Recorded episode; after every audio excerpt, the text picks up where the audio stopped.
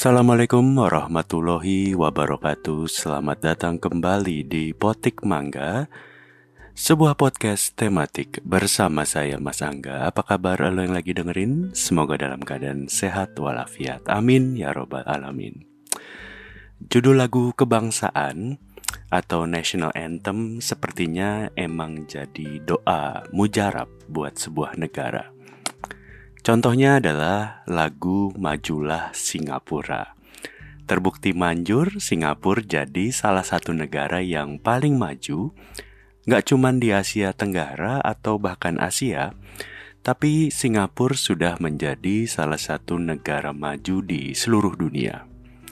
Majulah Singapura itu sebuah lagu kebangsaan Singapura dalam bahasa Melayu. Jadi buat lo-lo yang mungkin kurang bisa bahasa Inggris atau mungkin hanya bisa bahasa Indonesia, bahasa Melayu Malaysia atau mungkin hanya bahasa-bahasa lokal saja, lagu Majulah Singapura itu gampang karena memang dalam bahasa Indonesia, bahasa Melayu ya mungkin ya. Nyaris 100% bahasanya pasti lo ngerti gitu. Gua pernah berapa lama ya? Dua mungkin tiga minggu di Singapura itu buat sebuah pekerjaan waktu itu SEA Games 2015 jadi gue ngeliput SEA Games 2015 saking seringnya Singapura menang medali emas itu kan ada lagu kebangsaan majulah Singapura setiap kali mereka menang medali emas ya. Itu gue bahkan sampai hafal lagu majulah Singapura karena saking gampangnya. Lo bisa search di YouTube lagu kebangsaan Singapura itu lagunya sangat easy listening dan mudah dihafal. Jadi mungkin kalau suatu hari ada tes jadi warga negara Singapura, suruh nyanyi lagu Majulah Singapura, kayaknya gue bisa lolos kayaknya. Kalau untuk sekedar hafal lagu kebangsaan Singapura ya. Singapura sendiri memang sebuah negara yang bikin gue sangat kagum. Itu pertama kali gue ke Singapura, gue lupa tahun berapa ya. Uh, itu gue kayak orang desa ke kota. Mungkin kayak orang bumi ke Mars gitu ya.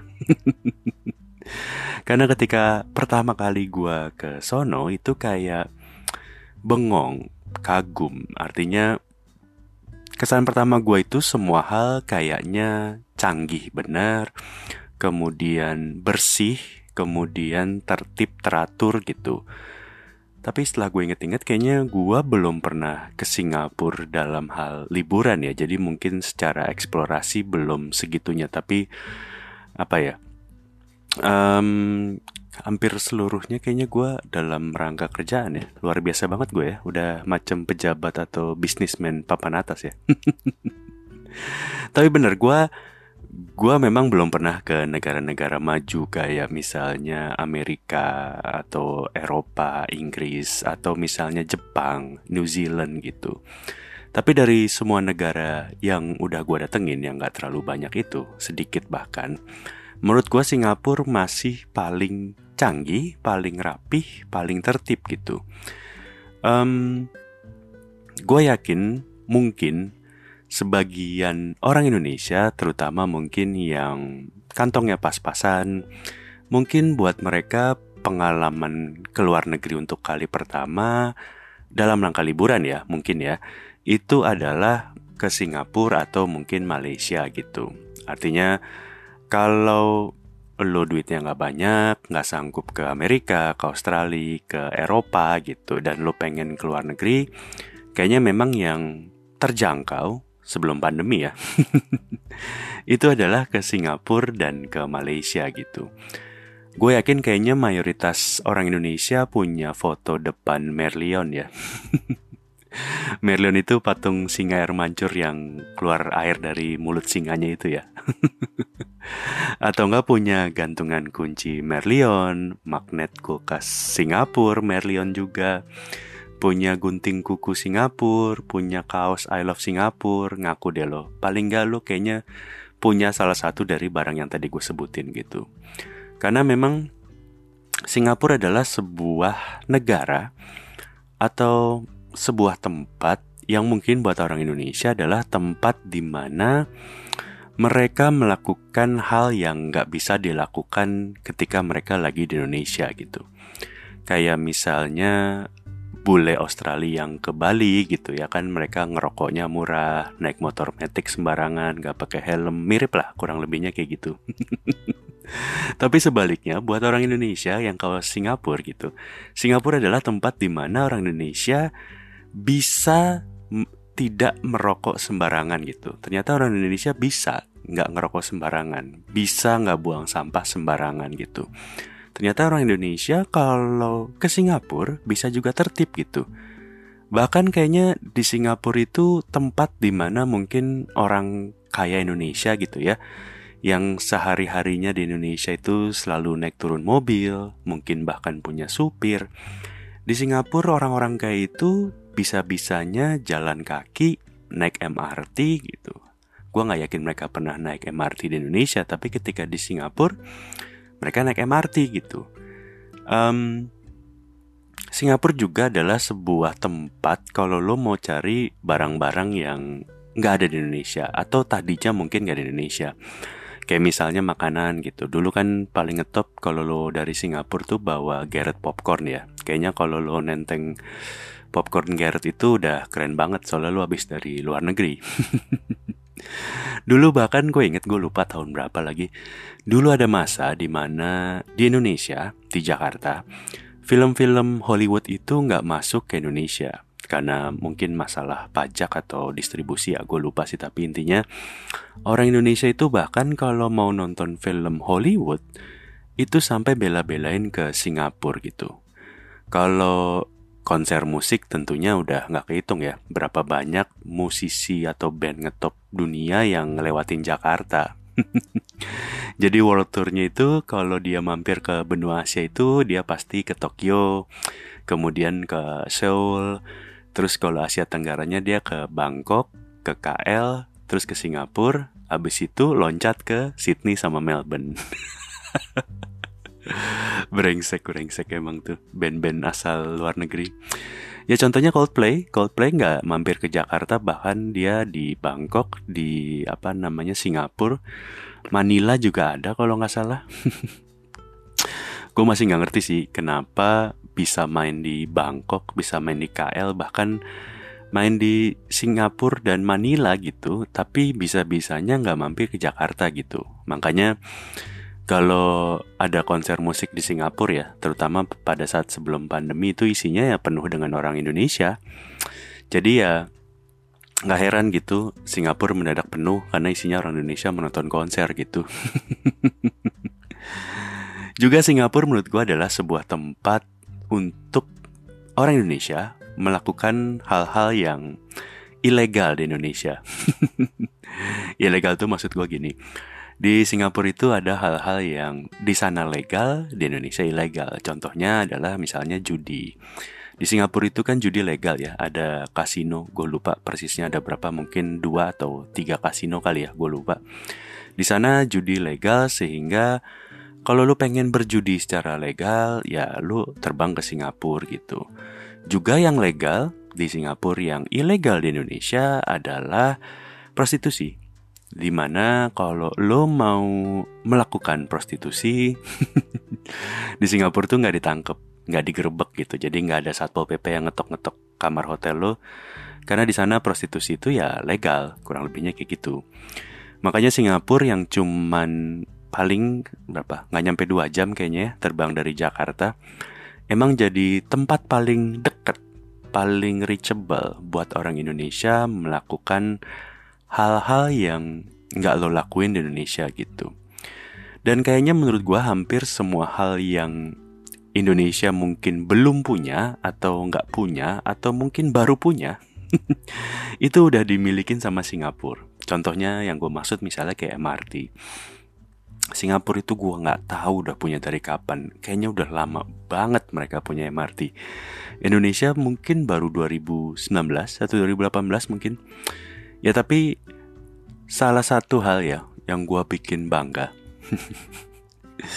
Jadi ada satu hal yang Indonesia udah punya duluan dari Singapura gitu. Indonesia punya duluan sebelum Singapura punya. Ini selain kemerdekaan ya, karena mungkin ini akan tayang di berdekatan dengan hari kemerdekaan Singapura gitu. Jadi memang kalau dalam hal kemerdekaan Indonesia itu sudah merdeka lebih dulu di tahun 1945 sementara Singapura itu baru merdeka pada tahun 1965, beda 20 tahunan. Jadi ada satu hal yang Indonesia udah punya duluan ketimbang Singapura. Dan hari ini gue berbicara mengenai Indonesia sudah punya presiden perempuan pertama itu tahun 2001, Ibu Megawati Soekarno Putri. Sementara Singapura baru punya presiden perempuan pertama pada tahun 2017, Madam Halimah Yacob. Kenapa gue bangga kita punya presiden perempuan? Karena tidak semua negara pernah dipimpin oleh seorang perempuan. Dan artinya ini adalah sebuah hal yang cukup membanggakan dalam hal misalnya apa kesetaraan gender, emansipasi wanita gitu. Karena bahkan negara Amerika Serikat yang sangat demokratis, sangat apa menjunjung tinggi kesetaraan, Amerika sampai gua tag episode ini ya, gua nggak tahu kalau nantinya pada saat ini tayang ternyata sudah memiliki. Karena Amerika belum pernah punya presiden perempuan sampai sekarang. Mentok di Wapres, sekarang namanya uh, Ibu Kamala Harris ya, Wapresnya Joe Biden. Makanya gue nggak tahu, siapa tahu Joe Biden mendadak meninggal, Kamala Harris jadi presiden. Pada saat lo mendengarkan ini ya berarti Amerika sudah punya presiden perempuan pertama. Tapi kalau bicara mengenai presiden di Singapura, Presiden di Singapura memang sebuah jabatan yang gimana ya? Um, Singapura itu kan sebuah negara yang sifatnya parlementer. Uh, dia mirip kayak Inggris, kayak Australia, kayak banyak negara yang pernah diasuh sama Inggris lah, kurang lebihnya kayak gitu. Jadi presiden Singapura itu adalah kepala negara tapi bukan kepala pemerintahan karena memang sistem pemerintahannya itu parlementer ya artinya pimpinan pemerintahannya itu perdana menteri yang bertugas untuk mengawal pemerintahan membuat keputusan strategis dan seterusnya dan seterusnya itu di bawah perdana menteri. Tapi meskipun demikian untuk jadi seorang presiden di Singapura itu ternyata susah banget. Susah banget. Syaratnya untuk jadi presiden di Singapura itu banyak benar. Jadi untuk jadi seorang calon presiden di Singapura nggak cuman bisa uh, pasang baliho terus jadi capres gitu ya, nggak bisa di sana. jadi syarat-syarat yang menurut gua agak ribet buat jadi presiden Singapura itu antara lain pertama pada saat dicalonkan dia tidak boleh jadi anggota partai politik alias dia harus jadi orang yang independen. Dua, dia harus pernah jadi posisi pejabat pemerintahan, kayak misalnya menteri, uh, hakim agung, jaksa agung, dan berbagai posisi pemerintahan lah. Banyak gue lupa apa aja. Jadi dia uh, paling nggak pernah menjabat jadi sebuah posisi di pemerintahan paling nggak selama tiga tahun. Paling nggak tuh ya tiga tahun at least. Yang ketiga dia juga kalau dia bukan apa namanya pejabat pemerintahan, dia paling nggak pernah jadi seorang direktur atau CEO, managing director dari sebuah BUMN Singapura. Tiga tahun juga minimal. Atau kalau lo bukan orang pemerintahan, lo bukan pejabat, lo bukan apa direktur BUMN Singapura, lo orang swasta, rakyat sipil biasa aja gitu. Lo harus menjadi CEO sebuah perusahaan dengan kepemilikan saham itu minimal 500 juta dolar Singapura. nggak nggak orang sembarangan gitu. Ya itu tadi syarat-syarat yang gue sebutin memang syarat-syarat yang menurut gue uh, susah. Jadi kan syarat-syarat umum pasti lo standar kayak misalnya dia harus warga negara Singapura, berkelakuan baik, nggak pernah di penjara atau berkasus hukum, dia nggak pernah kena denda uh, di atas 2000 dolar Singapura itu kayaknya menurut gue ya syarat-syarat umum lah hampir semua mungkin bisa melakukan itu. Kalau di Indonesia itu kan syarat menjadi capres yang tadi gue sebutin kayaknya nggak ada gitu. jadi capres di Indonesia memang ada syarat-syarat lengkapnya tapi maksud gua uh, selama dia dicalonin oleh partai politik atau dikoalisikan oleh koalisi parpol dengan presentasi kursi DPR 20%, itu dia berhak menjadi seorang uh, capres. Jadi nggak ada syarat-syarat sebelumnya lo harus pernah jadi gubernur, pernah jadi menteri, atau misalnya direksi BUMN gitu. Jadi nggak ada tuh syarat-syarat seperti itu di Indonesia. Siapa pun bisa menjadi capres dengan syarat-syarat tertentu, tapi dia nggak pernah, dia nggak harus pernah jadi sesuatu atau menjabat jadi apa pun sebelumnya nggak perlu gitu.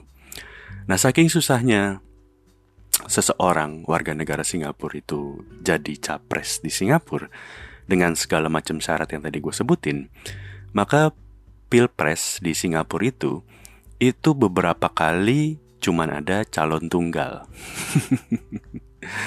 Kenapa calon tunggal ya? Karena tadi syaratnya banyak, yang memenuhi syarat untuk jadi capres cuman ada satu orang. Atau satu orang itu doang yang mau jadi capres alias mungkin ada beberapa yang memenuhi syarat tapi nggak mau jadi capres. Ya udah mau gimana kan?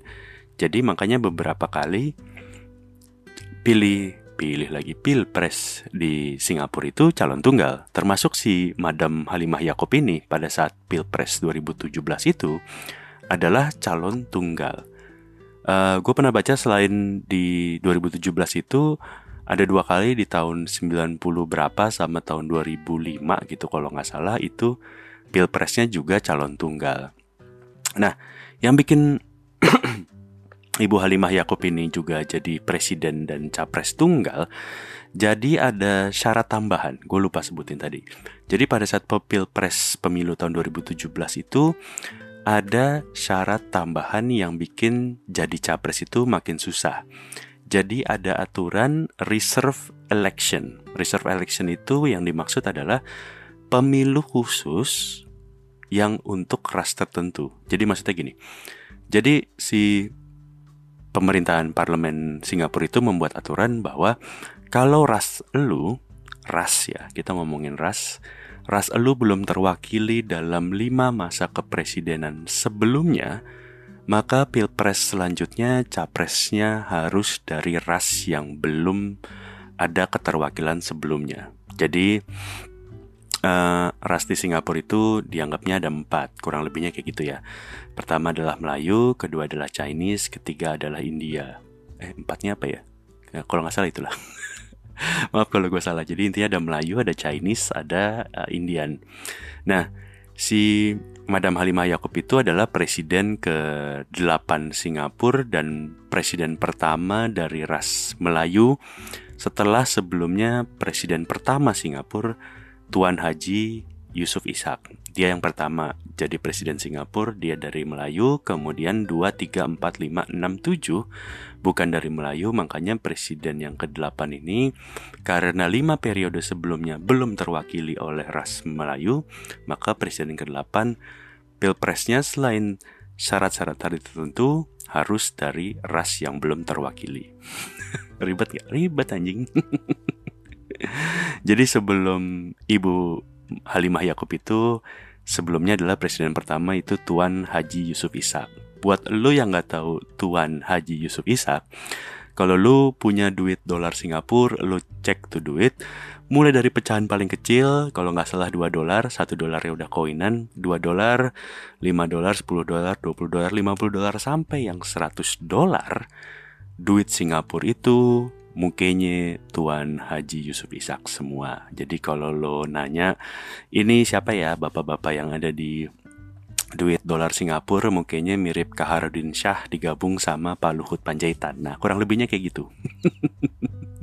Serius lo kalau masih ada di dompet lo duit, duit dolar Singapura atau lo Google sekarang mungkinnya mirip Kaharudin Syah digabung sama Pak Luhut kurang lebihnya kayak gitu. Nah itulah kenapa tadi Madam Halimah Yakob itu terpilih karena memang ada aturan ras 5 kepresidenan sebelumnya gitu. Jadi sebelumnya presiden kedua sampai ketujuh itu dari ras Chinese sama India. Makanya udah lima periode presiden itu nggak terwakili. Makanya ada aturan tertentu. Ya itulah lain lubuk, lain ilalang. Artinya memang lain negara, lain aturan. Mungkin buat kita itu adalah sebuah aturan ribet bener buat jadi seorang capres gitu. Jadi jadi presiden nggak mungkin jadi rakyat kalangan jelata gitu. Nggak bisa lo ujuk-ujuk jadi presiden di Singapura. Lo harus punya track record yang benar. Track record lo pernah jadi pejabat sebelumnya. Lo pernah jadi CEO BUMN Singapura. Lo pernah jadi CEO swasta dengan uang 500 juta dolar Singapura gitu kurang lebihnya kayak gitu. Ya kecuali aturannya dirubah ya untuk ke presidenan berikutnya gue lupa. Karena memang di Singapura itu masa jabatan seorang presiden itu enam tahun beda sama di Indonesia. Jadi um, setelah 2017 terpilih mungkin nanti pilpresnya lagi adalah 2023 um, di Singapura juga memang Pilpres itu baru ada di tahun 90-an ya. Sama kayak Indonesia kan baru pemilihan presiden langsung itu di era 2004 Pak Susilo Bambang Yudhoyono yang pertama kali terpilih ya. Jadi sama kayak di Indonesia sebelumnya di apa namanya di Singapura pun presidennya ditunjuk sama parlemen. Mirip macam kita dulu ditunjuk sama MPR DPR gitu ya tapi ya itu tadi gue bilang, presiden di Singapura beda sama di Indonesia, di mana Indonesia adalah sifatnya pemerintahnya adalah presidensial, sementara kalau di Singapura adalah pemerintahnya bersifat parlementer gitu. Jadi memang yang menjalankan day to day kepemerintahan memang bukan si presiden, tapi memang tanggung jawab itu ada di perdana menteri. Nah, kalau kita ngomongin perdana menteri Singapura, ini adalah sebuah hal yang menurut gue lo juga mungkin kaget. Kalau lo belum tahu lo kan kaget. Karena um, tadi kan gue bilang kepala kepala pemerintahannya yang menjalani aturan day to day di Singapura itu adalah seorang perdana menteri. Perdana menteri di Singapura dari mereka merdeka tahun 1965 sampai hari ini tahun 2022 ada berapakah total perdana menteri Singapura? ya benar. Total Perdana Menteri di Singapura dari tahun 65 sampai tahun 2022 baru ada tiga orang. Tiga orang. Jadi Perdana Menteri yang pertama itu eh salah. Perdana Menteri yang ketiga yang sekarang nih Mr. Lee Hsien Loong itu adalah anak dari Perdana Menteri pertama Mr. Lee Kuan Yew. Perdana Menteri yang sekarang nih, Lee Hsien Loong itu udah menjabat 17 tahun jadi Perdana Menteri. Bapaknya, Perdana Menteri pertama Singapura, Mr. Lee Kuan Yew, itu 31 tahun jadi Perdana Menteri. Di antara mereka, yang kedua itu Mr. Gochotong, itu 13 tahun jadi Perdana Menteri. Dan mereka semua tentunya ada dari partai yang sama. Perdana Menteri pertama sampai Perdana Menteri ketiga tahun 65 sampai tahun 2022 seluruhnya dari partai yang sama. Partai Tindakan Rakyat kalau bahasa Melayunya, bahasa Inggrisnya itu People Action Party. Ya, apa ya? Um, gua akan apa namanya? Gua akan kasih sebuah hal yang unik lagi dari Perdana Menteri Singapura. Jadi Perdana Menteri Singapura pertama tadi Mr. Lee Kuan Yew itu mundur dari Perdana Menteri bukan bukan kalah pemilu bukan apa mundur dia dimundur digantikan sama temennya satu partai Mr. Gocok Tong setelah mundur apakah Mr. Lee Kuan Yew itu pensiun tentu tidak Mr. Lee Kuan Yew selanjutnya adalah mendapatkan posisi senior minister dari tahun 90 sampai 2004 setelah itu pensiun kah di tahun 2004? Tentu tidak dong. Abis itu dia jadi minister mentor sampai 2011. senior minister sama mentor minister emang jabatan ngadi-ngadi sih menurut gua. Mungkin kayak semacam dewan penasehat, dewan pertimbangan atau mungkin dewannya yang semacam ngasih petunjuk lah kepada Bapak Perdana Menteri gitu. Tapi tetap aja nih orang si Mr. Lee Kuan Yew ini ada di pemerintahan dari tahun 59 dari Singapura belum jadi republik, masih jadi bagian dari Malaysia sampai tahun 2011. 52 tahun ada di pemerintahan. Makanya gue bilang kenapa Presiden Singapura kekuasaannya nggak ngaruh-ngaruh amat. Karena sesungguhnya Presiden Singapura itu apa ya seperti semacam simbol aja gitu yang memilih atau menjalankan pemerintahan ya perdana menteri gitu. Perdana menteri itu uh, bukan pemilu ya. Jadi uh, untuk menjadi seorang perdana menteri dia harus menjadi anggota parlemen dulu. Pemilunya jadi anggota parlemen once dia terpilih jadi anggota parlemen atau anggota DPR lah ya bahasanya di Indonesia gitu nantinya partai pemenang pemilu itu yang akan jadi perdana menteri kurang lebihnya kayak gitu ya kenapa yang bisa dipilih itu itu aja ya gitu dah presiden dan perdana menteri Singapura gitu tapi ya buat Singapura mungkin itulah politik dalam negeri mereka gitu. Pastinya sistem itu menjadi sistem yang menurut Singapura dan rakyatnya tentunya adalah sistem yang terbaik gitu. Apakah di Singapura tidak ada oposisi? Ya tentu ada, tentu ada dong, tentu ada. Artinya eh, partai di sana ya nggak cuma partai tindakan rakyat doang gitu. Yang ikut pemilu tuh kalau nggak salah ada sekitar belasan atau mungkin 10 atau berapa lah, gue lupa. Tapi ya gitu Kayaknya kalau nggak salah dari beberapa pemilu terakhir atau bahkan mungkin dari pemilu pertama yang menang ya Partai Tindakan Rakyat si People Action Party itu si PAP. Jadi dari 90 berapa 93 apa 95 gitu gue lupa ya kursi parlemen di Singapura itu 80 sampai 85 kursi yang apa anggota dewan itu anggota parlemen itu ya isinya si partai PAP gitu. udah semacam mayoritas tanpa lawan lah sebenarnya kurang lebihnya kayak gitu. Seru ya kalau membicarakan politik luar negeri, seru bukan? Bukan. Intinya dari sini gue mau cerita bahwa setiap negara tentunya punya kelebihan dan kekurangannya masing-masing. Bahwa kita mungkin merasa bahwa Singapura adalah sebuah negara maju yang jauh di depan kita ya mungkin memang iya gitu. Tapi bukan berarti Indonesia nggak akan bisa jadi negara maju ya um, banyak yang bilang kalau Singapura bisa menjadi sebuah negara maju karena memang uh, luasnya kecil atau penduduknya sedikit. Ya memang sih luas Singapura itu cuman paling cuman sejakarta, sedekai Jakarta, nggak pakai Bodetabek ya, bukan Jabodetabek dia, Jakarta doang gitu.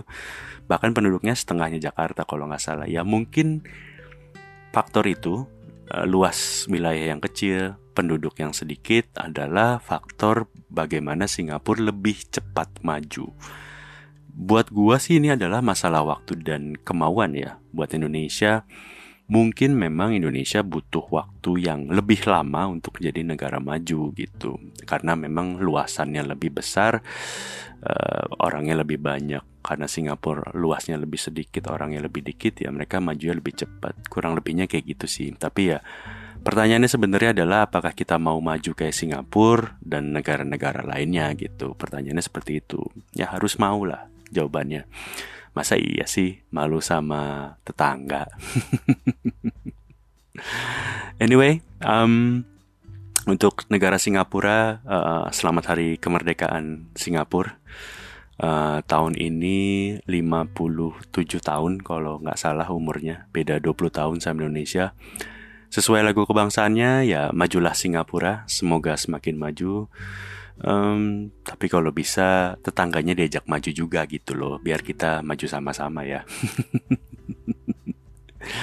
Anjing kangen gua ke Singapura. Kapan ya bisa ke Singapura murah lagi? Dengan harga tiket mungkin dulu nggak nyampe sejuta, tujuh ratus ribu bisa PP Singapura Jakarta, nggak pakai karantina. Ya udah itu aja dari gua. Terima kasih sudah mendengarkan. Sampai jumpa di episode lain dari Potik Mangga. Assalamualaikum warahmatullahi wabarakatuh.